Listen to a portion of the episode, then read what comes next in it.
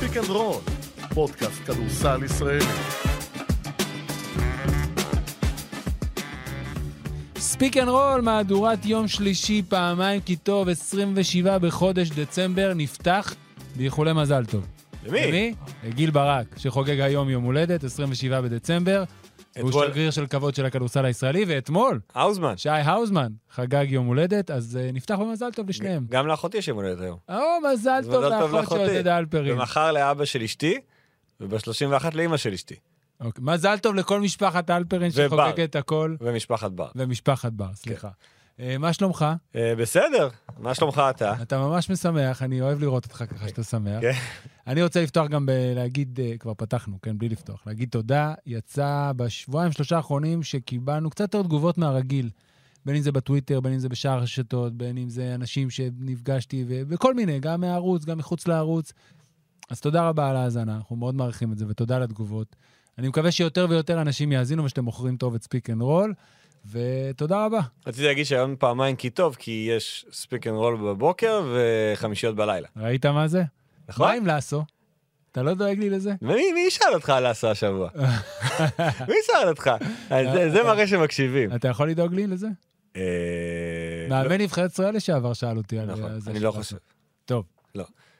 בוא נפתח במשחק המרכזי. כן, אתמול הפועל ירושלים מארחת הפועל תל אביב. משחק צמרת במחוזותינו, מנצחת.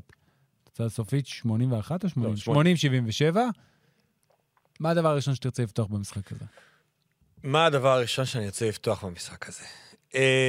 אמ, אמ, אני חושב שזו פעם ראשונה שבאמת, זה זה obvious, שהפועל תל אביב קיבלה את צ'יננו אנואקו כמעט במהדורה המושלמת שלו, וזה בלי שהיא משחקת עליו.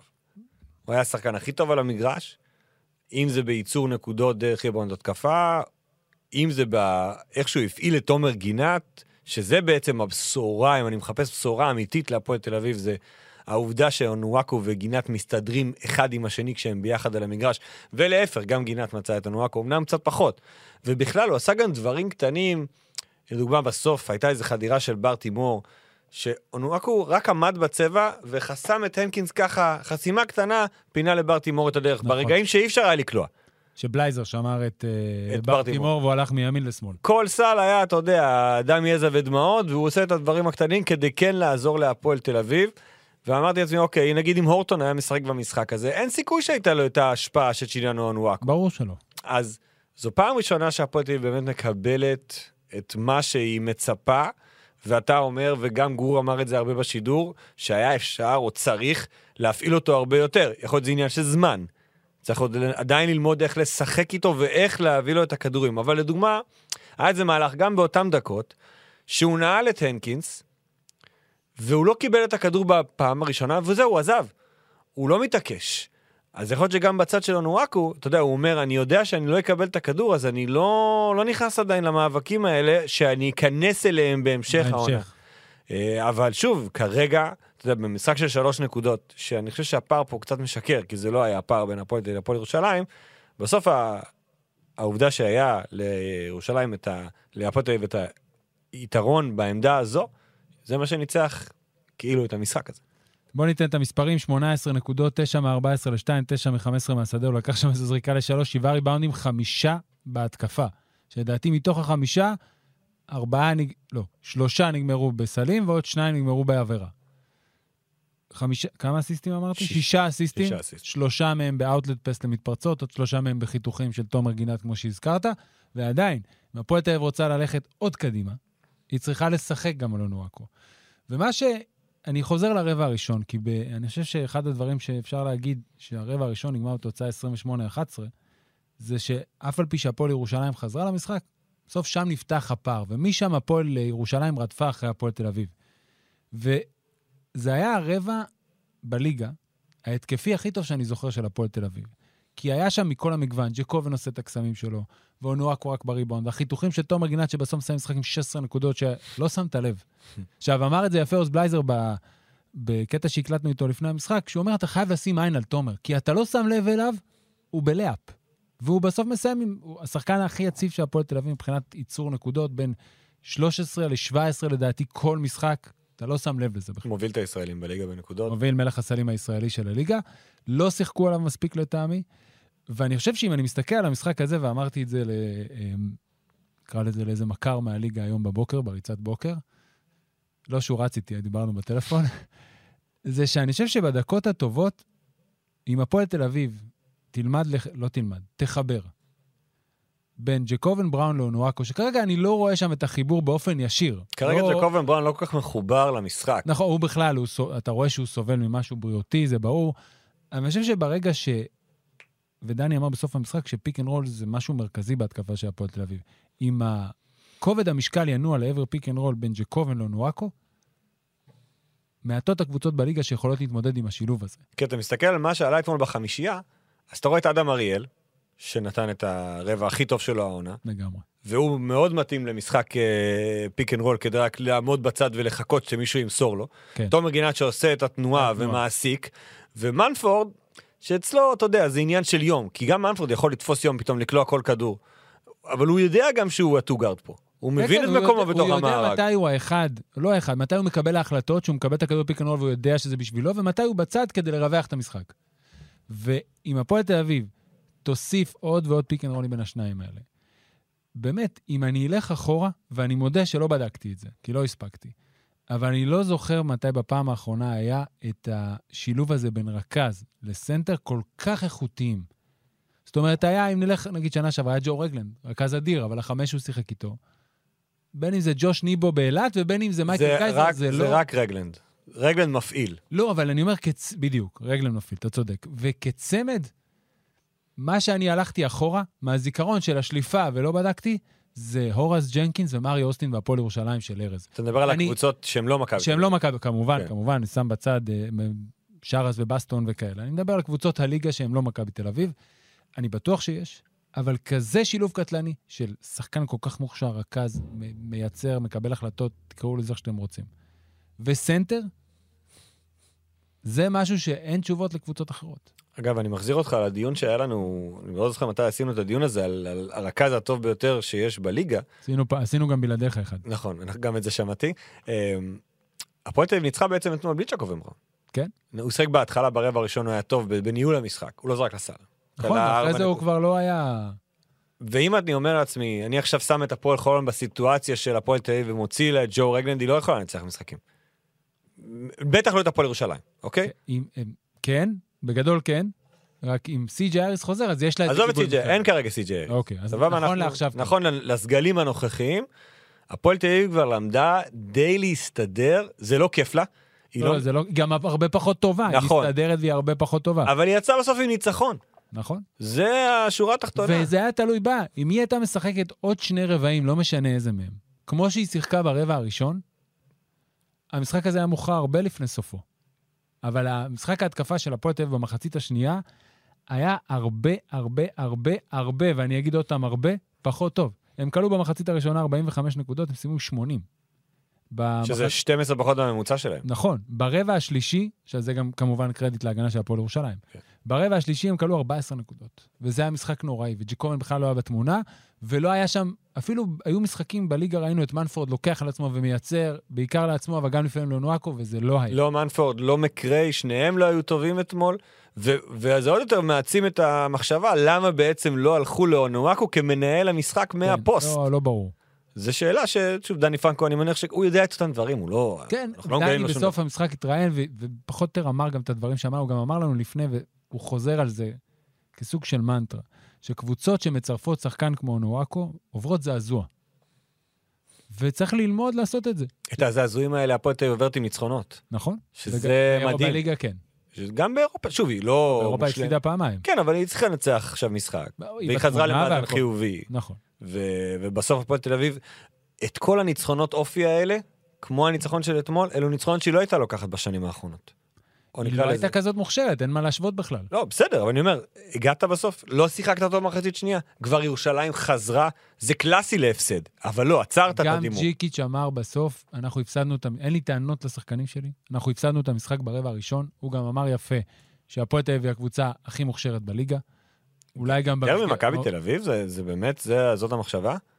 האם הפועל תל אביב קבוצה התקפי. יותר מוכשרת ממכבי תל אביב התקפית? כי- תראה, כי אני לא ג'יקיץ' רוצה- חושב- ג'יקיץ'- ג'יקיץ' מחשיב את מכבי תל אביב בעיניך בתוך הסיטואציה הזאת? לא, לדעתי לא. אוקיי. אה, וכמובן שאם ניקח את החמישייה הכי מוכשרת שיש למכבי תל אביב, אז אי אפשר יהיה להגיד ב- באופן אה, גורף שהפועל תל אביב יותר מוכשרת.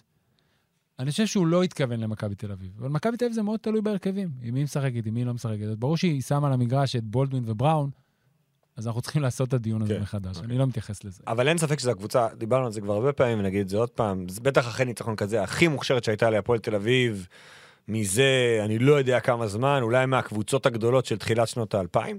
יכול להיות, ו- ובמשחק, וברבע הראשון אתה אומר, הפועל תל אביב קולעת 28 נקודות, 5 מ-6 בצבע, 3 מ-5 ל-3, 9 סיסטים. כן. לעומת אסיסט אחד בלבד של ירושלים. וכמו שהתחלתי להגיד, ג'יקיץ' אמר, אנחנו נתנו להם לרקוד. כן. ו- ושם, ומשם ירושלים רדפה. עכשיו, זה הלך ולאט לאט, אתה יודע, מי שהחזיק אותם ברבע הראשון זה היה אה, ליבר רנדולף עם 9 נקודות מה-16. לפני, לפני שממשיכים ל- למה יהיה בהמשך, מילה על אדם אריאל, בבקשה. יש קלישאה כזאת, היא רצה חזק עכשיו, it's- it's a marathon, not a sprint, כן. נכון, זו הקלישאה הכי חזקה. וזה אדם אריאל עכשיו, אני חושב שהוכיח את זה גם, ל- אתה יודע, לעצמו. לעצמו ולשחקנים אחרים. קיבל את ההזדמנות, כלה 11 נקודות ברבע הראשון, מול הפועל ירושלים, זה תמיד הרבה יותר חשוב מבחינתו. והוא מקבל את הדקות האלה. מה שכבר כבר אדם אריאל, אתה יודע, היו דיבורים, כן יישאר, לא יישאר, נכון. נכון. צריך ללכת. הנה, קיבל את, הז... קיבל את הדקות. האם זה נכון לגבי כל שחקני הסגל של הפועל ירושלים, הפועל תל אביב כרגע? אולי למעט גיל בני. כי אם גיל בני אתמול לא שיחק, כשג'קובן היה... על- on and off. הוא שיחק 21 דקות בסוף, ג'קובן. כן, אבל ב- ב- ב- מהרגע שיצא ברבע השלישי כבר הבנת... אז, אז כאילו אתה מתחיל לראות שאיפה הוא יכול לקבל את ההזדמנויות שלו, כנראה רק נגד הקבוצות הקטנות בליגה. כן. אה, האם זה מה שגיל בני דמיין לעצמו, זה עניין אחר. זה לא... האם לא כל הפועל כך תל אביב צריכה רלוונטי. לשחרר אותו? התשובה היא לא. לא. מבחינתה הכל בסדר. לא. אבל אפשר להבין את הסיטואציה שהוא כרגע הס- השחקן היחיד בהפועל תל אביב שאולי לא יודע את מקומו ברוטציה בליגה. לא נדבר על אירופה, אירופה זה משהו אחר. כן, אבל צריך לחבר את זה, כי ב, ב, גם בשני משחקי ליגה וגם במשחק באירופה, שהיו ברצף של שלושתם ביחד, הוא עלה בחמישייה. אבל זה נכון שכרגע, אם הכל עובד טוב, רוב הסיכויים שהוא, יש כמעט בטוח, לא יהיה ברוטציה של המשחק. אבל בסדר, ככה זה בקבוצות עמוקות, גדולות, טובות. והפועל תל אביב צריכה את כל העומק הזה, זה לא שהיא יכולה להרשות לעצמה להיות בלי. כן, יכול להיות מחר, טפו טפו טפו, בר תימור נפצע או משהו כזה, לא, או גם יש מישהו... לך מ- פתאום רצף משחקים, שאחד הוא טיפה יותר זה, ואתה רוצה שהשחקן ישחק, אבל בווליום יותר נמוך, אז אתה צריך את ה... מי שיחליף אותו. מהמם. ואנחנו יודעים שגיל בני יכול לתרום. ולכן להפועל תל אביב זה ברור שאין שום אינטרס אה, לשחרר אותו. הפועל ירושלים, אחד הדברים שאני יכול להגיד לגבי, יש לה קבוצה טובה, והיא שמרה מצוין באמת שלושה רבעים, וזה ימשיך להחזיק אותה. אבל אנחנו באים משבוע, אתה זוכר, דיברנו שבוע שעבר, כן, הקלטנו את הפרק אחרי המשחק מול דרוש אפקה, נכון? כן. ובאמת, החמאנו למשחק ההתקפה הכי טוב של הפועל ירושלים. התעלמנו מההפסד לבאר שבע, היו נסיבות מקלות, לא שחק הנקינס, לא שחק אריקדון, עכשיו שיחקו כולם. דיברנו על איזה זרים קוד- אה, בפרק הקודם, על מי רושמים, רשם את הכי טוב שלו. הלך- לא, אה, שאלה, הלך עם ונם במקום איריס. התקפית זה הכי טוב שלו. נכון. היה, מה שוונה עושה, השתי שלשות האלה ברבע הראשון, כמו החמש שלשות בדרוש הפקה, אין אף אחד ב- בסגל שיכול לתת אותן. נכון. ו- ואתה רואה את זה, ועובדים בשבילו, והוא גם קולע, הוא מקום שני בליגה באחוזים לשלוש, שני רק לדרווין הילרד ממכבי תל אביב. וכל הכישרון היה שם, אבל חוץ מרנדולף שעשה את זה רוב המשחק, ספידי סמית באחד המשחקים היותר חלשים שלו בתקופה האחרונה, יש- יש שיגידו לך למה זה קרה בדיוק, לא, כי הוא אמר בריאיון לעמרי מנהיים באתר ערוץ הספורט שהוא רכז יותר טוב מג'קובן בראון, או לורנזו, או לורנס. שהוא לא פחות טוב מהם. בסדר. אני מאמין לו. אני לא חושב כמוהו, אבל אני מאמין לו. אני- אוקיי, למה אתה שלא יחשוב מאמין את זה? שהוא חושב את זה. כן. אוקיי, סבבה. יש לך סיבה לא לחשוב את זה? אני חושב שהלורנ... אני- אני חושב שזה טיפה מוגזם להגיד את זה על לורנזו בראון. את- בת- תראה, אלפר, טיפה. שאתה עכשיו אה, מ- טוב בתפקיד שלך, לא משנה מה אתה עושה, כן. אוקיי? אתה אתה חושב שאתה הכי טוב. שדר, אתה מאמין בעצמך, נכון. אוקיי?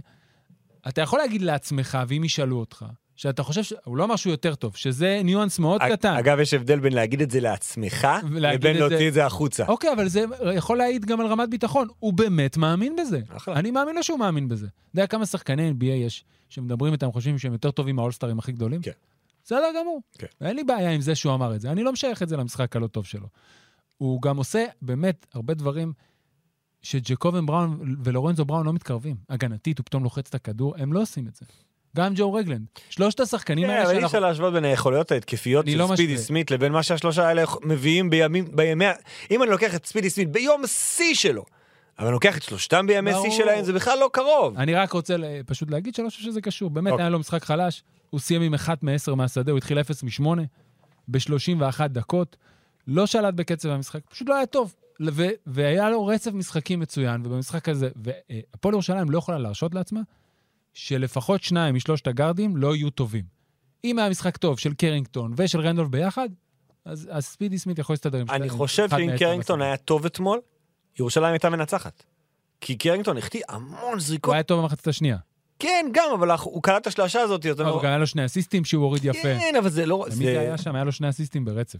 הוא קלע אחת משש משלוש בסוף, לבנה, שתי השלשות של ונה ברבע האחרון, זה היה מהאסיסט של קרינגטון. אז זה היה קצת מאוחר מדי, מבחינת הפועל ירושלים. למה? הם צמצמו לא, אני אומר, אבל- מ-10 הפרש ל- אה, שתי- לארבע הפרש. כן. הצליחו לצמצם, אבל אני אומר, זה היה, ה- ההצטרפות שלו למשחק הייתה קצת מאוחרת מדי, והגיעה נכון. גם בדקות שרנדולף פתאום נפצע, ואז לא היה רנדולף, אז זה- זה בא... אז בגלל זה אני אומר, הפועל ירושלים התקפית, עוד פעם, אני אומר, רק התקפית, לא יכולה להרשות לעצמה, גם לא בליגה, ששניים מהשלושה לא יהיו טובים. לך איתי לתחילת המשחק לרבע הראשון. כן. הלכתי... כמה זריקות הגענו. הנקינס לקח? לא לקח. אוקיי. ראית איזה מהר עניתי? בואו נתחיל משם. הרי הפועל ירושלים, ועשו עשו את זה גם מאוד יפה ב-BCL, על העובדה שלקחו את המהלך, לקחו כל מיני מהלכים שהולכים דרך הפוסט-אפ, דרך הנקינס, ומה קורה בצד החלש, ובכלל כל התנועה של הפועל ירושלים, שהיא מתחילה בסוף, או מגיעה להנקינס בסוף כפואנטה, או שהכדור עובר דרך הנקינס, והוא מוצא כי הוא יודע למסור טוב גם כן. במסירות בין גבוהים. זה לא אומר שהוא מסיים, אבל הוא הוא מייצר את הדברים מסביב ב- בהתקפה. אז דווקא במשחק הזה, הפועל ירושלים בעצם כל הרבע הראשון לא הלכה לאופציה הזו בכלל. תראה, אני- אני לא- או שהפועל תל אביב לא נתן לה להגיע לאופציה הזו. יש כמה אופציות. אני לא זוכר איך הם עמדו, אני מודה שצריך הרי להסתכל עוד פעם על הרבע הראשון, אבל לפעמים אתה גם יכול, אני לא אומר שזה היה מקרה, אבל רק מחשבה, אתה שם את הנקינס בצד כדי גם להזיז את אונואקו הצידה. אני לא בטוח שזה היה הסיפור פה, אבל זה חלק מהדברים, ונכון, הם לא שיחקו עליו מספיק, כי התחיל הרבע השני או השלישי? רבע שלישי השלישי. התחילו עליו. מסיים בצבע, נותן עוד דנק, ואחרי זה בהמשך אה, האלי- האליופ היפה מספידי סמית. ונכון, אבל זה, אולי זה היה מספיק, אבל התקפית, הפועל ירושלים עדיין, ההתק... יש דלתא מאוד גדולה בין ההגנה שלה להתקפה שלה. ובמשחקים מול הקבוצות הטובות מאוד, לא תמיד ההגנה תספיק. נגד מכבי תל אביב זה הספיק, ונגד הפועל תל אביב זה לא הספיק. כן, לא, שוב, הפועל ירושלים, ראיתי קצת, אתה יודע, האוהדים שלהם אומרים, אוקיי, נלחמנו, חזרנו, ניצח, הפסדנו, אבל נלחמנו, ואנחנו שמחים, אנחנו גאים בקבוצה. שלושה הפסדים רצופים בליגה בסוף. נכון? נס ציונה, באר שבע, הפועל תל וג'יקיץ' אביב. לא מודאג. לא מודאג? אמר, שאל אותו מה נעים את השאלה הזאת. שאל באמת בצורה יפה, לא בשביל לרמוז משהו, אני אומר באחריות מבלי שאני יודע למה הוא- זה. אמר לו שלושה הפסדי ליגה ברצוף, האם אתה מודאג? הוא אמר לא. תראה, כי- כי בסוף, אה, וזה- וגם, זה הדבר... ואז הוא המשיך, למה שאמרתי כן. בתמימות? ואז הוא המשיך ואמר, אם ההנהלה חושבת משהו אחר, הם מוזמנים להגיד לי, אבל לא. מבחינתי הכל בסדר. כי הדבר הנכון מבחינת הפועל ירושלים, הפועל חולון, או כל קבוצה אחרת שמשחקת במפעל אירופאי שיש בו אלימיניישן בשלב מוקדם, זה להתמקד באירופה. וירושלים את ההישג שלה לשלב הזה של העונה עשתה. כן. עם העלייה לת- מהמקום בסוף הראשון. הקבוצות שמשחקות באירופה רוצות לעלות שלב, כן. פלוס לסמן וי על השמינייה הראשונה בשביל להשתתף בגביע המדינה, ואת זה היא עשתה הפועל ירושלים. הדבר היחיד, אתה יודע שאני חוזר למשחק הזה ואני אומר לעצמי, אני מסתכל... עשיתי לך מעבר לנושא הבא. לא, עוד לא הגעתי לשם. כי אני, מסת... כי אני רוצה עוד, עוד משהו אחד על הפועל תל אביב לעומת הפועל ירושלים, שאתה מסתכל על איכות השחקנים שיש להפועל תל אביב לעומת איכות השחקנים של הפועל ירושלים, ברמת הכישרון אני חושב שאין פה מאץ'. נכון. הדבר שמה שמייחד את הכישרון ירושלים, לא מנצח לבד כדורסל. בדיוק, אבל הדבר שמייחד את ירושלים וייחד אותה עד עכשיו זה רמת ההגנה שלה ואיך שהיא משחקת כקבוצה, אם זה במגרש הפתוח, ראינו את- לפעמים, אה, אתה יודע, כל מיני אה, סטינטים כאלה של מתפרצות, שספידי סמית מנהל מתפרצת, וכל הקבוצה רצה איתו ויודעת בדיוק לאן להגיע. ואתמול גם כמעט ולא ראינו את זה, ו- ואז במשחק העומד, אז הפועל ירושלים פחות טובה, וזאת עובדה. זאת עובדה, ואני לא בטוח שהיא גם יכולה להשתנות. כן, היא משחקת סבלני ומגיעה לפואנטות מאוחר, אבל חסר שם ברמת האיכות, לס- כשקרינגטון לא טוב, או לא מסיים מספיק טוב, האופציות מסביב הן מאוד מאוד מינוריות. תראה, כן, אני חושב שהפועל ירושלים, אפשר להגיד שהתקפית היא נשענת או, כמו שאתה אומר, על משחק מהיר, שבא כתוצאה מההגנה הטובה שלה מכפיית עיבודי כדור או מחטיפות אה, אחרות, או מהגנה טובה שאתה לוקח את הריבון ואתה רץ. ובמשחק העומד, האופציות שלה באמת הם אותן תרגילים ארוכים שג'יקיץ' אוהב לשחק. ואתה, צ- וקרינגטון זה מי שאמור לסגור את העניין אם יש בעיה. זה, הד- זה ככה הקבוצה בנויה, ובחודש האחרון זה עבד טוב. ועם זה הם ימשיכו. וההגנה, של- עוד פעם, ההגנה שלהם היא עדיין בפער מספיק גדול מאחרות, בשביל לעצור את זה. מה באמת ההפסד הזה עשה להפועל ירושלים? הוא כרגע הוציא אותה מחוץ לרביעייה. אנחנו מדברים אנחנו עכשיו... עוברים עכשיו לנושא השני. כן, שבעצם זה... עכשיו, אני יכול רגע, פתיחת סוגריים, לא קשורה לא הייתה בלילה, לא קשורה לגביע, לא, לא, אוקיי, לא אוקיי, קשורה אוקיי, לגביע. אוקיי, אוקיי, אוקיי. אה, אוקיי. היום- רגע, רציתי- רציתי לברך את עדי כהן סבן. אה, בק- בבקשה, עדי כהן סבן מונה למנהל הפועל ירושלים. רגע לפני שנכנסנו לפרק, למנהל. מנהל. לא אוטוריטה מקצועית, אה, אוטוריטה ניהולית סטייל ניקולה וויצ'יץ' שנכנס לתפקידו במכבי תל אביב. כן. אם נתעלה באילנות אז זאת ממש אומרת, ממש אם זה גבוהים. מה שהוא ימשיך, הוא יגיע למצב שהוא מנהל את המשאים כמובן, ומתנים. בדיוק. אבל יש לו שחקן גדול כבר בנקודה, היא שם. נכון. קוראים לו יותם אלפרין. כן. אבל יפה, יפה מאוד. כן, שחקן של... שחקן בית שחוזר. ירושלמי, עם כן. סיפור מאוד יפה, למי שלא מכיר, יש כתבה שעשינו איתו בחמישיות, על הסיפור שלו, ש... אה, הוא- או לא, סליחה, לא בחמישיות, אירח- פה- אירחנו אותו פה, סליחה. אירחנו אותו לפרק. אירחנו אותו לפרק פה בספיק אנד רול, ארד אה, יוזמן לבדוק בארכיון בינתיים איזה פרק מספר זה היה, וכל הסיפור שלו, והתנתק מהכדורסל, והלך להיות אה, בקרבי, וחזר, ושיחק, וגם הגיע לבוגרים בהפועל ירושלים אחרי כל זה, יפה מאוד. כן. פתח סוגריים קטנה, הפועל חולון. ארי גרין, היום אנחנו מקליטים ב-27 בדצמבר. ב-29 בדצמבר, נגמר אני לו לא יודע החוזה? באיזה שעה, נגמר לו החוזה. או, יומיים קשים על אוהדי הפועל חולון. יפה. עכשיו, במשחק שיש השלמה בפועל חיפה, שהוא מאוד חשוב לנושא השני, שאנחנו תכף נגיע אליו, הוא ישחק כי זה ה-28 לדצמבר. ובעצם ב-29 בדצמבר בבוקר, או בצהריים, אני לא יודע מה זה, כן. יצטרך ארי גרין לקבל החלטה. עכשיו, מה שגיליתי אה, היום, שלא ידעתי, זה שבגדול החוזה, אם ארי גרין לא יוצא ממנו ב-29 לדצמבר, הוא בח- מוארך עד אוטומטית? סוף ינואר. אוקיי. כי הפועל חולון רצתה, בכל מקרה, אם יהיה פליין וכאלה, להיות סגורה עד ינואר ו- ולא להיות בלחץ. זאת אומרת, כמו שאני עכשיו רואה את זה, ארי גרין צריך להחליט ב-48 שעות הקרובות, האם הוא עוזב את הפועל חולון, או שהאם הוא דוחה את הקץ ונשאר עוד חודש, ואז מחליט אם הוא עוזב את הפועל חולון. אז בוא נוסיף לתוך משקל ההחלטה הזו, זה שעד מחר מותר להעביר שחקנים בתוך היורוליג בין נכון. הקבוצות. אבל הוא לא נופל בקטגוריה. לא, אבל אני אומר שמחר בעצם נגמר החלון של היורוליג. ב-28 בדצמבר ואז לא נגמר. קבוצה שאומרת לעצמה, רגע, אנחנו צריכים, חסר לנו שחקן בעמדה אבל יש כזאת. עוד איזה חלון של שחקנים שהם לא בתוך היורוליג. אז זה מה שאני אומר. אוקיי, סליחה. סי- אלפרין, סליחה. זה חלון אה, פנים יורוליג. אוקיי. מעניין בצורה אחרת כמובן למכבי תל אביב ולדברים שקורים, אה, אבל אולי אחרי ה-28 גם יהיו הצעות יותר קונקרטיות, או שהוא ידע איזה אופציות יש לו על המדף. אבל זה טווח זמן מאוד... אה, זה יום אחד, כן. ויכול להיות שביום הזה, אה, יום אחד זה מספיק בספורט. כן. אם ת- הוא יקבל הצעה עכשיו מ... לא יודע, מ... פנרבחצ'ה, שם קוד, לא, פנר... לא משנה, קבוצה אחרת, ולנסיה, ביירן מינכן, ביירן מינכן, סבבה? צריכים קלעי, אנדי אובס נפצע עכשיו לחודש, אנדי פירוט. אנדי פרוט. אה, צריך אה, קלעי, בוא תבוא אלינו אתה. הוא אומר, תודה רבה, הפועל חולון ושלום. נכון. אבל אני אבל מה חושב... קורה אם עד ה-29 בבוקר, צהריים, ערב, הוא לא קיבל את ההצעה הזאת. יש- ימשיך. תראה, לפי כל ההצהרות של ארי גרין וכל הרעיונות שראינו, הוא נורא כיף לו פה, אבל אם... אוקיי. יש לו תפקיד נורא נחמד. הכל נכון, אבל אני חושב שהוא עדיין לא שלם עם זה, ש... אני חושב שבאופן יחסי, הוא חושב שהם מגיעים לסכומים יותר גדולים, מה שהפועל חולון יכולה להציע. כסף זה עניין שאני לא יכול... כן. ברור, אה, כן. לא, אני לא, אני לא שופט אותו, אני רק מציין את זה כעובדה. ויכול להיות שיגיד, אוקיי, אף על פי שהיום ה-29 בדצמבר ואין לי את ההצעה הזאת, אני לא רוצה להיות עכשיו עוד חודש לחכות. אז אני מעדיף לחכות בבית, ובשבוע עשרה ימים הקרובים לראות מה קורה. למה שיחכה בבית? למה שלא ישחק? אני לא יודע, אני אומר, זו אופציה. אוקיי. אני לא אומר שזה מה שהייתי עושה. אוקיי. טוב, זהו, סגור סוגריים. אז אה, פרק 76, זה עדי כהן סבן. סבבה. אה, לכו להאזין, אז בבקשה. מי שרואה את השם של הפרק סוגיות מבית אלפרין, שיזכור שהסוגיה הזו היא של ג'ובה ולא של אלפרין, והשם של הפרק הוא לא, הוא לא קשור בכלל למה שקורה בפרק, הוא סתם... קשור ועוד איך. אה, לא, בבקשה, מה הסוגיה המרכזית? לא, היא לא- היא לא- במדרשו של היא לא הפרק? מרכזית. הפועל ירושלים, אמרנו, היא עכשיו בעצם ירדה למקום השישי. רגע, בוא ניתן כהסבר ראשוני. לאן אנחנו- נזכיר, אנחנו גביע צריכים שמונה, המדינה. שמונה קבוצות. בתום הסיבוב הראשון, קבוצות שמדרגות במקומות 1 עד 8, הולכות לרבע גמר גביע המדינה. כן. יתרה מכך, שבע מתוך שמונה הקבוצות כבר הבטיחו את מקומן בשמינייה, לא ידוע הסדר, מיד נמשיך עם זה. כן. הכרטיס האחרון הוא up for grabs. כמו בין שאוהבים. בני הרצליה לגליל העליון. יפה. זה תלוי בגליל. אם לא, זה תלוי בהרצליה.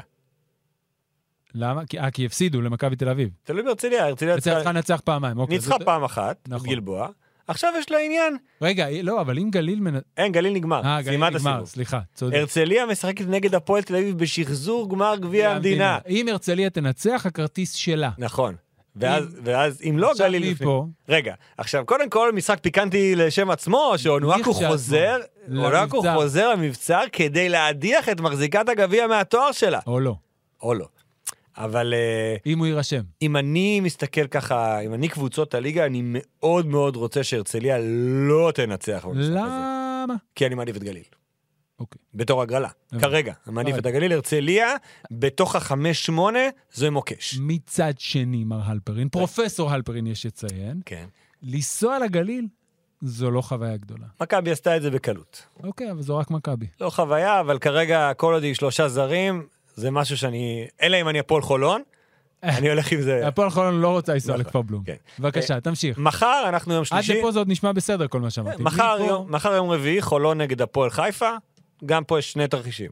חולון מנצחת, מבטיחה את הטופ 4, יחד עם נס ציונה, מכבי תל אביב והפועל תל אביב, דירוגים בפנים, פחות משנה, אבל זה כן. ייקבע שבוע הבא. אם הפועל חיפה מנצחת, אז הכל מסתבך, ובעצם הפועל חיפה ו... ירושלים. ירושלים וחולון נכנסות לסוג של בית משולש, אם הפועל חיפה תפסיד למכבי תל אביב. במשחק ההשלמה, בשבוע הבא, יום שלישי בשבוע. עוד נכון. שבוע בדיוק. נכון. למה זה כזה חשוב? זה... זה... אז רגע, בוא נגיד... האם זה חשוב? זה, רגע, זה שנייה. תהייה. למה אנחנו נכנסים לעניין כן. הזה? קודם כל, ברגע שאתה בטופ 4, אתה לא יכול לפגוש אף אחת מהקבוצות האלה, אתה, ההגרלה היא מקומות 1 עד 4, לעומת מקומות 5-8, בלי קשר לביתיות. נכון, שזה משהו אחד שאני לא מבין. אני גם, אני לא מסכים לזה, אבל זה, לא המצאנו את השיטה, ולכן נשים נכון. את זה בצד. היתרון בלהיות ברביעייה הראשונה, מעבר להיותך ברביעייה הראשונה בליגה, זה לא לפגוש לא את מכבי תל אביב ולא את הפועל תל אביב, שהן סגורות ברביעייה הראשונה, נכון. לא משנה מה. גם נס ציונה די סגורה ברביעייה הראשונה. אוקיי, ו- אבל נס ציונה, אני רוצה להאמין שמפועל ירושלים מקבלת נס ציונה, היא באה בתחושתה האישית. כל עוד גם אין את העניין של יתרון באיטיות, אז ההבדל בין 1-4 ל-5-8 הוא באמת רק בעניין של הגרלה. נכון. ולא- וכמו שבשנה שעברה, הפועל תל אביב הייתה ב-5-8, ואף אחת מהמדורגות מעליה לא רצה לקבל, קיבלה הפועל ירושלים. נכון? העיפה אותה. כן. עכשיו, ההגרלה שבוע הבא היא ביום שלישי אחר הצהריים. שזה העניין המשמעותי. ומכבי תל אביב והפועל חיפה משחקות גם הן ביום שלישי אחר הצהריים. אמת. ונזכיר שיש עוד משחק השלמה בין נס ציונה להפועל תל יום אביב, אחרי, יום רביעי אחרי. הבא.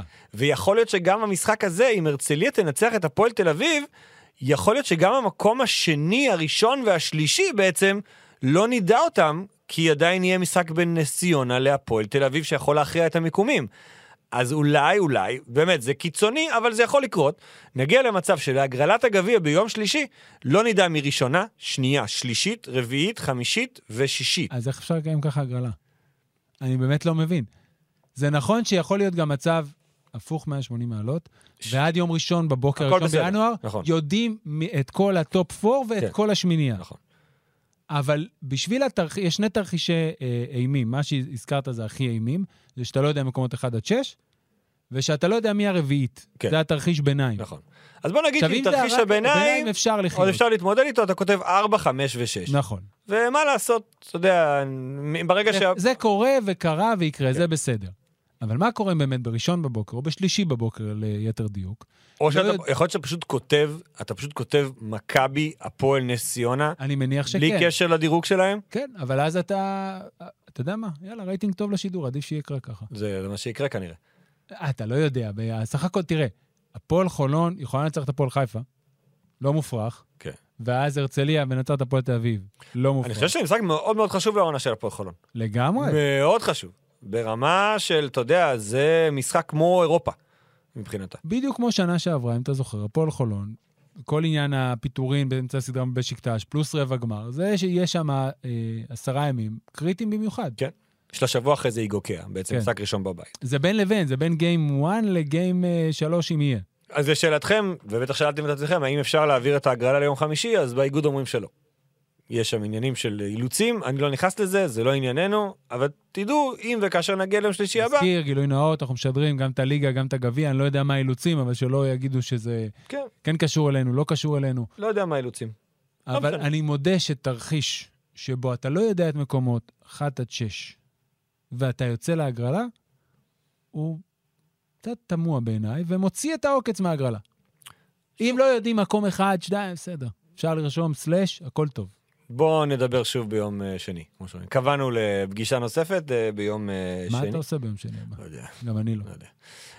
אמ, זהו, סיימנו עם הגביע. מאמן שני שהולך הביתה, לפני שנגמרה השנה. בחנוכה. שני מאמנים, עד עכשיו היינו בשלושה חודשים נהדרים, שקט אה, תעשייתי לכאורה, כן. והנה בתוך אה, שלושה ימים, ארבעה ימים, הולכים שני מאמנים, שני המאמנים שנועלות את הטבלה. קודם זה היה רמי אדר מגלבוע, אחרי זה אריאל בית הלחמי מאילת. האופציה, אתה יודע, כולם ישר אמרו, הנה, בית הלחמי עוזב, הולך לגלבוע, אני מבין שזה כרגע עוד לא קורה. אתה לא פוסל את זה, אבל אני... לא פוסל על הסף, אבל זה עוד לא קורה. זה יותר כמו wishful thinking מאשר מחש... משהו שכרגע נ- הוא מציאותי. בנוגע להתפטרות, פיטורים, הסכמה הדדית של בית הלחמי מאילת, אני חושב שהכתובת הייתה על הקיר. כן, כן. ראינו את זה הרגיש. גם לא ב- לא במאה אחוז, ראינו איך אבל- שאילת שיחקה, ראינו את התגובות של בית הלחמי ברעיונות, אנחנו יודעים איך בית הלחמי מתראיין כשהוא עוד מרגיש שהאש בוערת מבפנים, ומה קורה כשהכל כבר, שהוא מרגיש שזה לא שם. אתה, אתה יכול להרגיש את זה על הרעיונות שלו, אין, אין, אה, באמת, זה, זה ממש תחושות שבן אדם אה, מוציא החוצה. אה, וגם אילת, כמו גלבוע, קבוצה שעשתה שינויים, היה נראה אצל אילת שהשינוי היה טוב, שלקונט ופנדרברג שינו את הקבוצה. כן, בוא זה נזכיר. החזיק מעמד משחק אחד. הפועל אילת פותחת עם ניצחון אחד בחמשת המחזורים הראשונים, עם הרבה פציעות, זרים שנפצעו לפני תחילת העונה, זרים שנפצעו תוך כדי, ומתייצבת עם הסגל החדש של אה, אנרי לקונט. ו- הנרי לקון. אנרי, כן, סתם. מנ- מנו לקונט ודי.ג'יי פנדרברג עם ארבעה זרים, ושהישראלים שלה בכושר טוב, למשחק מול גלבוע גליל, מנצחת. מפסידה לבאר שבע, מנצחת שוב את בני הרצליה, ואתה מתחיל לראות את, ה, את החיבור, את האופטימיות. אבל אז, מגיעים שלושה משחקים, חד צדדיים לחלוטין. אז נכון, המשחק מול הפועל אה, חולון במחזור 9 נגמר רק 8 הפרש, אבל היה 15 והמשחק היה כבר גמור מחמש דקות לסוף. קריית אתא מגיעה לאילת ומנצחת חד צדדי חד צדדי. ב-24 נקודות הפרש, לא היה פייט. במשחק הכי טוב שלהם העונה. נכון. ואז מגיעה הפועל חיפה, מנצחת ב-15, אבל גם היא באיזושהי נקודה זה היה רק בידיים שלה. ומשחקה גם טוב. וכשאתה מחבר את אלה ואתה אומר, אוקיי, היו השינויים, וכבר היה נראה שרואים איך הם באים לידי ביטוי, ופתאום, טראח, הכל יורד. וכשאתה שומע את אריאל ורואה את המשחקים האלה, ורואה אותו גם מגיב קצת תוך כדי, יכול להיות שהוא הרגיש, שוב, לא דיברנו איתו, לא בדקנו, אבל ב- בשלושה המחזורים האלה, הרגיש שהכתובת הייתה על הקיר. כן, זה גם לא, מה- זה לא כמו רמי אדר, מאמן חדש, שלוש שנים שם, זו עונה שלישית שלו, כן. ולגיטימי גם מצד ההנהלה וגם מצידו להגיד, אוקיי, המ- אה, מיצינו. מיצה, מוצע החיבור הזה. מי יבוא במקומו, שזו שאלה עוד יותר טובה מאשר אפילו השאלה של גלבוע, שם הצעת האופציות. היה לך כן, את פה האופציות אין של לי. מאמני הצפון, עכשיו יש לך את האופציה של בית הלחמי. מה האופציות שיש לאילת שעומדות לפתחה כרגע להביא מאמן חדש באמצע העונה, אני, אני באמת לא... שיכול להתמודד גם עם המעבר לאילת וגם עם להשאיר את הקבוצה הזו בליגה? אין לי אפילו רעיון. בניגוד לפרק הקודם שדיברנו על רמי אדר, והאסוציאציות שעלו לי היו מסוימות, שאמרתי, אוקיי, יכול להיות שזה יהיה... כל האופציות הגיוניות, מה שאתה הצעת. כן, כן, אני אומר, פה אין לי אפילו איזה רעיון. כמו שאמרנו בפרק הקודם, אין איזה מאמן שממתין בחוץ, שאתה אומר, אוקיי, בוא נלך אליו.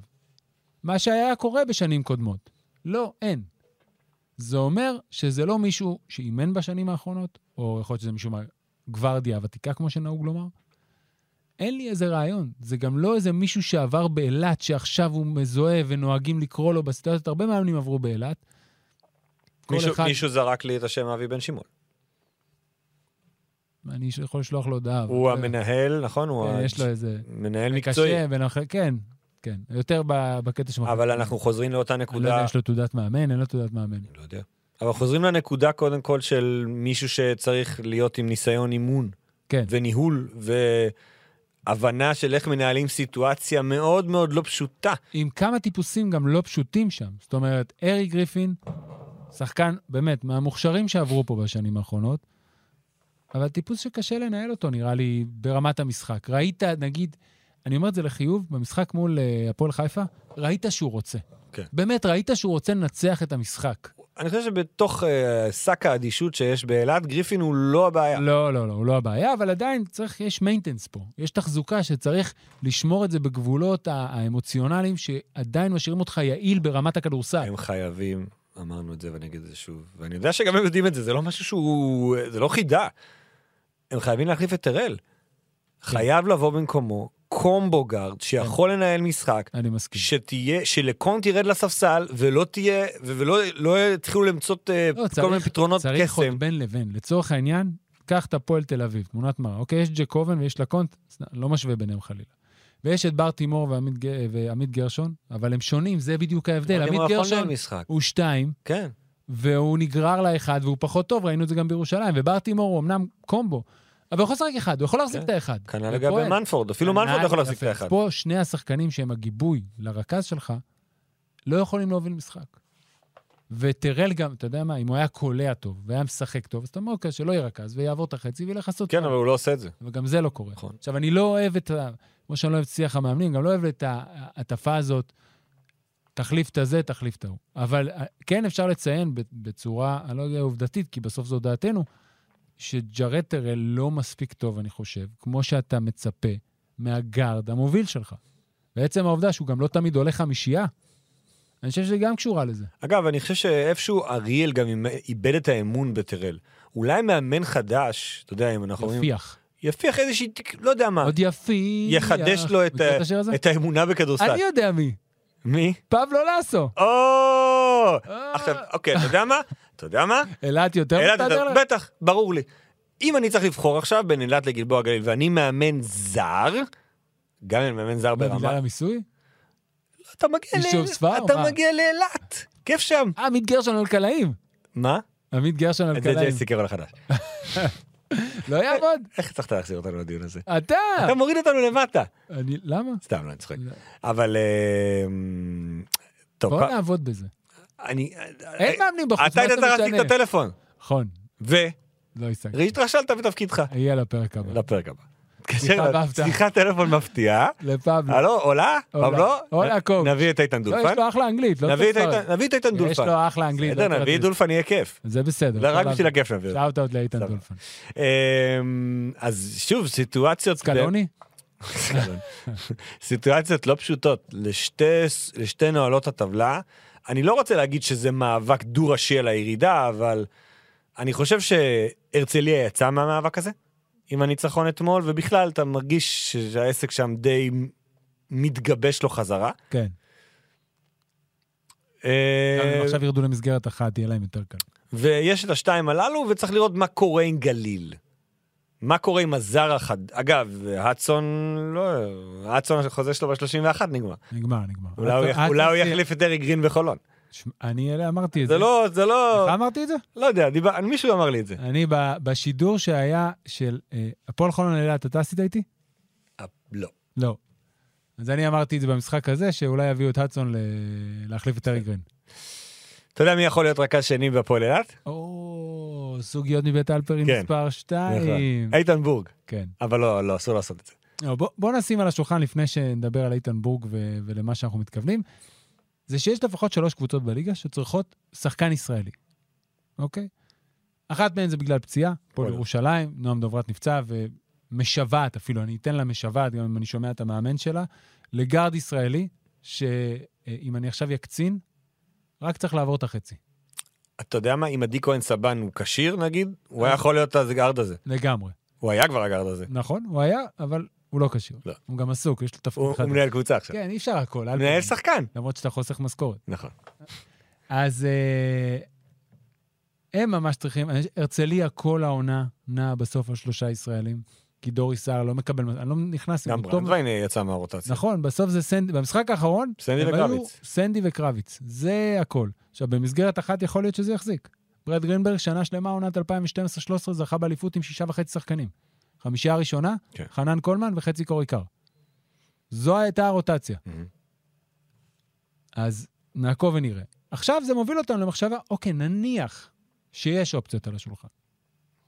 איתן בורג, כשם קוד, עניין שנבדק לפי פרסומים כאלה ואחרים, ברמת הפועל ירושלים, האם הוא יכול לעשות את הקפיצה הזאת? אני חושב שהנושא גם עלה קצת, אתה יודע, קצת יותר, בגלל ההופעה האחרונה שלו נגד מכבי ראשון לציון, קבוצתו בעצם, קבוצת הבית שלו, עשה 27 נקודות. אתה יודע, ניצח, ניצחו בקלות כן. כן. נתניה. עכשיו, נתניה בכלל זה סיפור אדיר, כי זו קבוצה, אתה מסתכל על הסגל שלה, זה רק ילדים ישראלים, שני זרים, הבן של האדמירל. כן, שני זרים כאילו שהם לא זרים גדולים, כן. משחקים מתחת לסל, נותנים לישראלים לנהל את המשחק כבר שנה רביעית או חמישית. שה- רביעית, לא? אני לא זוכר מתי התחיל הפרויקט, אבל אני מסתכל לפי הפריצקי שנה שעברה, כן, מושקוביץ- מושקוביץ שנה לפניו. מושקוביץ היה שנתיים, נכון. ואז אז זה פריצקי. אוקיי. פריצקי ועכשיו בורג. אז זה- לדעתי זה ארבע. נתנו את, ה- נותנים את הכדור בידיים לשחקן ישראלי צעיר, שבכל קבוצה אחרת, גם בליגה הלאומית לא בטוח שהיה מקבל את המושכות ככה, ובטח לא היה מצליח ככה. זה, אתה יודע, אה, שאלה בפני עצמה, איך הדבר הזה קורה, איזה תחושה נותנים שם לשחקן הישראלי שהוא מצליח ככה לנהל משחק ולייצר מספרים אדירים. כרגע בורג הוא הקלה הישראלי השני בליגה, לפניו רק אחד, ווילי וורקמן. ווילי וורקמן הוא לא שחקן ליגה לאומית, הוא שחקן ליגת העל, שהחליט לרדת כמו השנה. בשיר. ווילי, היי וורקמן, היי וורקמן, היי וורקמן, ווילי. אוקיי. קשה להמשיך אחרי דברים כאלה. אמ, אז הוא באמת בעונה מדהימה. שראינו אותו גם בנבחרת העתודה, וראינו, אתה יודע, אנחנו האיכויות, מרגישים, אף פעם מרגישים לא את זה, איך כן. זה בא. ועכשיו אתה שואל את עצמך, קודם כל, האם הוא צריך לעשות את זה השנה? התשובה שלי הברורה היא לא. אוקיי. אז בואו ניקח את זה לסוגיה יותר גדולה. נניח שאנחנו מתעלמים מאמצע העונה, ואנחנו לא באמצע העונה, ואנחנו בקיץ, פרי סיזן. כן. איתן בורג יכול כבר לעשות את הקפיצה? להיות שחקן רוטציה, אני מדבר אם אנחנו בפירמידה, זה התחתית של הפירמידה. שחקן רוטציה בליגת העל? כן עם כוכבית. הכוכבית היא שמה שקורה בליגה הלאומית, כמשל על וגאס, נשאר בליגה הלאומית. זו ליגה ברמה אחרת לחלוטין מליגת העל, לטוב ולרע. בליגת העל יש היום חמישה זרים כמעט לכל קבוצה. בקבוצות יש לה ארבעה זרים, אתה יודע, זה ממש מעט מאוד. ופתאום להתמודד עם הזרים ברמת ההגנה, לא מדבר על התקפה עכשיו בכלל, הגנתית, רגע, זה מה שמשאיר אותך על המגרש, אוקיי.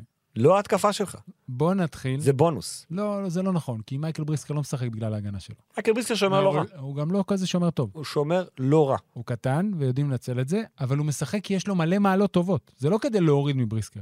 אומר, לפעמים היתרונות שלך הם כל כך גדולים בצד ההתקפי, שם אתה מרוויח. כל עוד תעשה את זה, אתה חשוב לקבוצה, ברוטציה. אתה יודע, שון דוסון מעולם לא היה שומר גדול, אבל הוא הביא הרבה דברים. לא היה שומר נורא, אבל הוא הביא הרבה דברים. וכל עוד הדברים האלה בדלתא היו יותר גדולים מהחסרונות ההגנתיים שלו, הוא הרוויח יפה את הדקות. עכשיו, לדעתי הכוכבית שלך הייתה צריכה להיות, סליחה שאני מתקן אותך, בעיה. בחירת הסיטואציה. בסופו של דבר יש, שני, יש כמה שמות שאנחנו מזכירים פה לאורך העונה הזאת ספציפית. גור לביא, דיברנו עליו בפרק הקודם, שיכול להיות שבקבוצה אחרת היה עוזר יותר, בסדר? ולא מקבל את הצ'אנסים.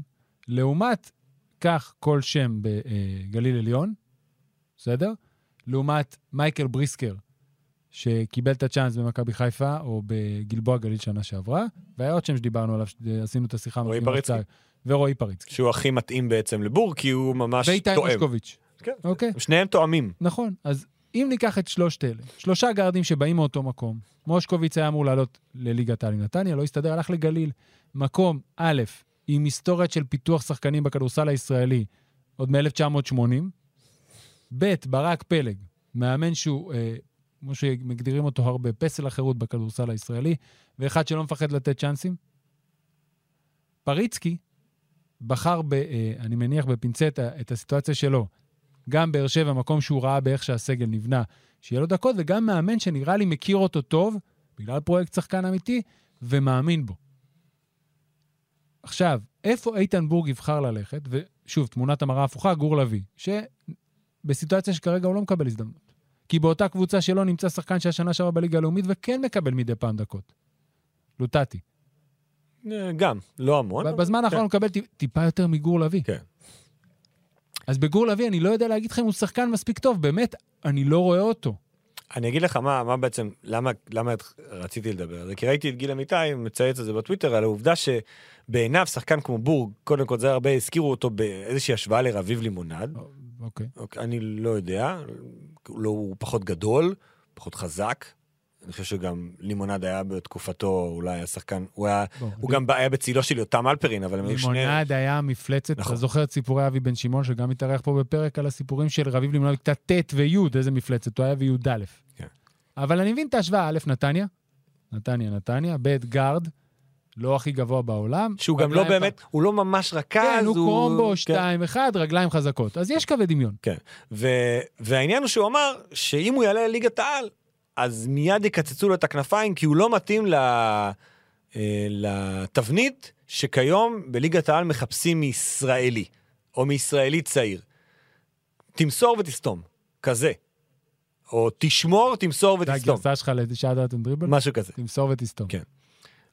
אז אני לא יודע אם זה, נ- אני חושב שזה לא נכון וזה עניין של סיטואציה.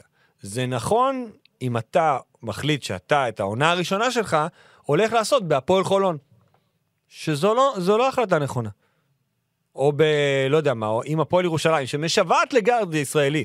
תגיד לו עכשיו, בוא, אנחנו רוצים אותך. לא, עוד פעם, הסיטואציה של הפועל ירושלים היא כזאת שעכשיו גם אם איתן בורג יבוא, הוא יקבל עשר דקות במשחק ליגה. בוודאות. לא משנה מה הוא יעשה. הוא יצטרך לעבור את החצי, לזרוע... שוב, אבל מה יהיה צ'יקי. שנה הבאה?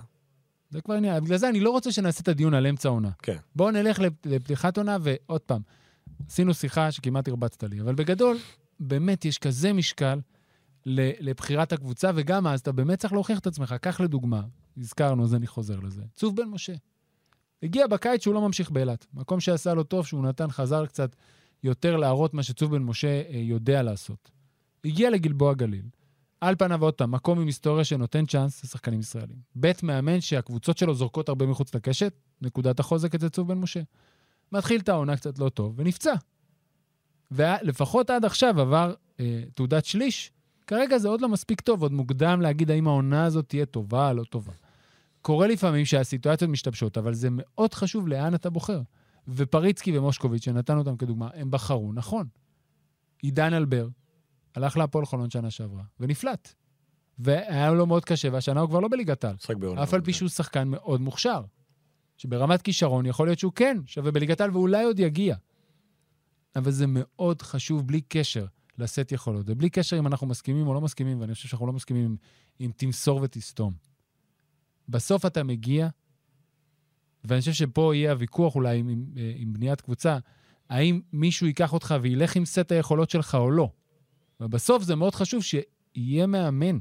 הוא צריך לסמוך וזה עליך גם- ברמה שהוא מביא אותך לסגל ואומר, זה המקום שלך בסגל, ואני לא מביא שחקן על העמדה שלך, כי אני חושב שזה המקום שאני יכול להעניק לך, ושהקבוצה תרוויח ממך. אבל עדיין, אתה יודע, אפשר גם... תשמע, פריצקי מוכיח שיש שם ישראלי על העמדה שלו. ישראלי, אין להם בעצם, שני, ה- שני המובילי כדור שלהם ישראלים. נכון. הם, זה, הם וגליל. שתי הקבוצות היחידות בליגה שבאמת להם לקחו, רכז זר. כן, לקחו, שוב, יש קומבואים. אפיאני ו... ובוקר. אחמד. אה, עמד על דעתו. עמד. אה, אז הוא שני- עמד על דעתו? שני- תקרא לו ככה? כן. אתה, אתם הכרחתם אותי, אז אין לי כל כך ברירה. אה, אז שניהם הם קומבואים, והם לא מחזיקים את הכדור בהתקפה כל הזמן. בחור אמין סטיבנס? סליחה. נכון. אה, אתה מוציא אותי מ- מכל, מכל, מכל אה, אתה חוט צודק, מחשבה. אתה צודק. אתה לא אבל צודק. שוב, אני, אני קצת קשה, אני מנסה, לה, אני כאילו חושב כל הזמן ש, שהשחקן הישראלי, שנותנים לו את ההזדמנויות ויש לו זמן ל, לפרוח, אז הוא יצליח לעשות את זה בסוף. הוא יצליח לעשות את זה. אבל אני לא חושב שאפשר להאשים רק את הקבוצות, או לתת את הזכות רק לשחקן הישראלי.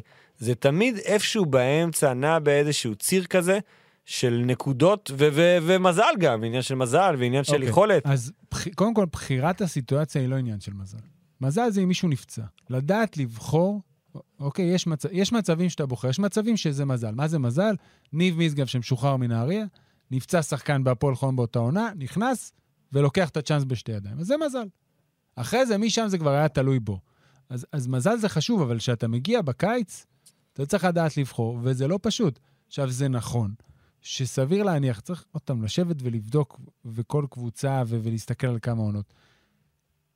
שהשחק... ששחקנים ישראלים לא אופציות ראשונות בהתקפה, אבל זה הולך ונבנה. אני באמת, נכון שאפשר לספור על כף יד אחת, אבל תמיד אני יכול, אני נותן את הדוגמאות האלה. מורן רוט היה בעידן של ארבעה זרים, ובלי חוק רוסי, והוא היה, והתחיל כתגלית העונה, וסיים כרכז ראשון, מוביל לכל אורך השנים שלו. תומר גינת. עלה מהליגה הלאומית, הוא בא להפועל תל אביב. מישהו חשב שהוא יהיה הקפטן והשחקן הישראלי הכי טוב? לא. עכשיו, אותו דבר יכולים לתת לי דוגמאות אחרות, זה לא שזה.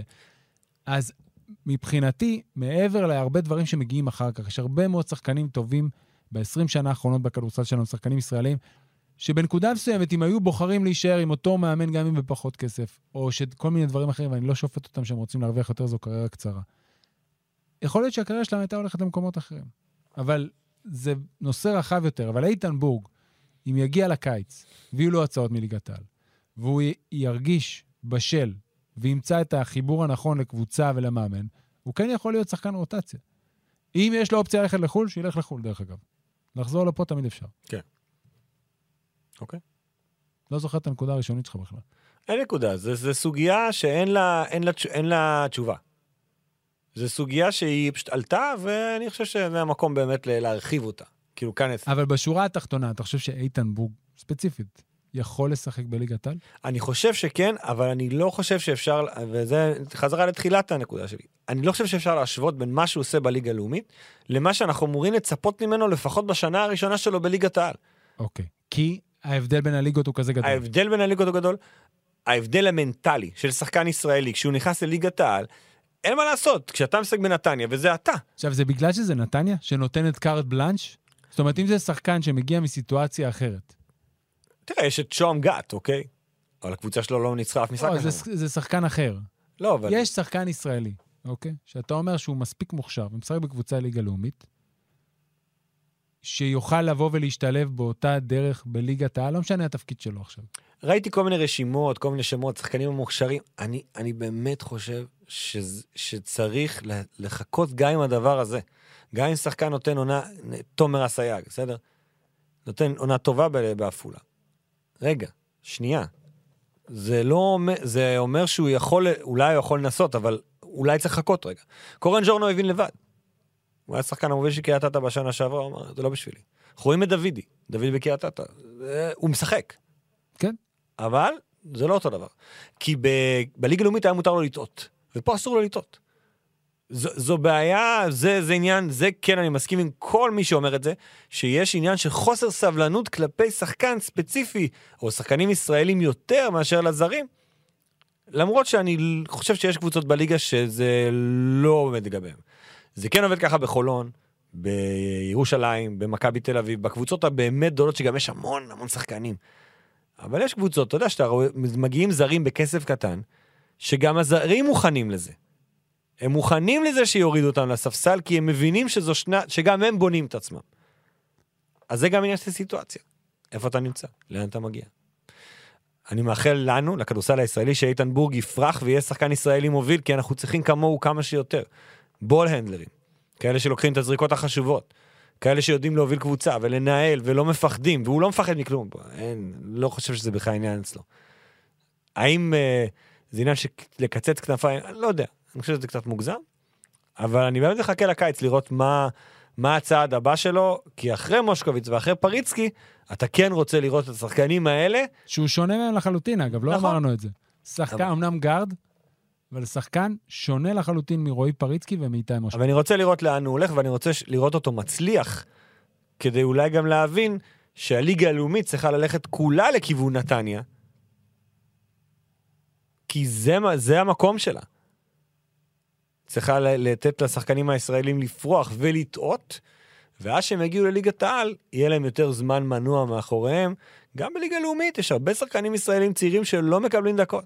כי יש שם זרים, ויש שם המון מתאזרחים ותיקים, ויש שם המון שחקנים ותיקים שמשחקים. אז לא, אי אפשר לצייר את הליגה הלאומית כאיזשהו כר גידול לשחקנים שהכל שם מושלם. יש מקומות, ויש מקומות, כמו בליגת העל. זה המצב. זהו. וכל מילה נוספת מיותרת, כן. פרופסור. תודה רבה לפרופסור אלפר עינת, כאן ספיק אנד רול הפעם, מקווים שנהניתם, מזמינים אתכם להאזין לנו בכל האפליקציות שאתם מאזינים בפודקאסטים ובאפליקציית ערוץ הספורט. הוקלט לפנינו פרק חדש של עולים לרגל, שמזמינים אתכם להאזין. פוטבול מונדיאל, הנושא המתמיד, יורו סטפ פוד, הקליטו השבוע, אבל בטח, שמעתי הקליטו. כבר, שמעתי. לא, אני, ש- אה, שכחתי את זה, יכולתי בריצה בבוקר. טוב, נעשה בריצה של יום חמישי בבוקר. זה עוד אני פוסט. אגיד שמי שיראה את הפינה שלי בחמישיות ויקשיב לפודקאסט, יגלה המון אה, קווים אה, משיקים. Similarities. סימילריטיז, כן. יופי, יש לנו יורסטפ השבוע? בטח. מתי מה עידו נבהלת- חוזר? מה נבהלת מתי- כל מתי אה, פודקאסט ה-NBA חוזר? עוד מעט. עידו- עידו חוזר כבר היום. אז היום כבר יהיה. אני- לא.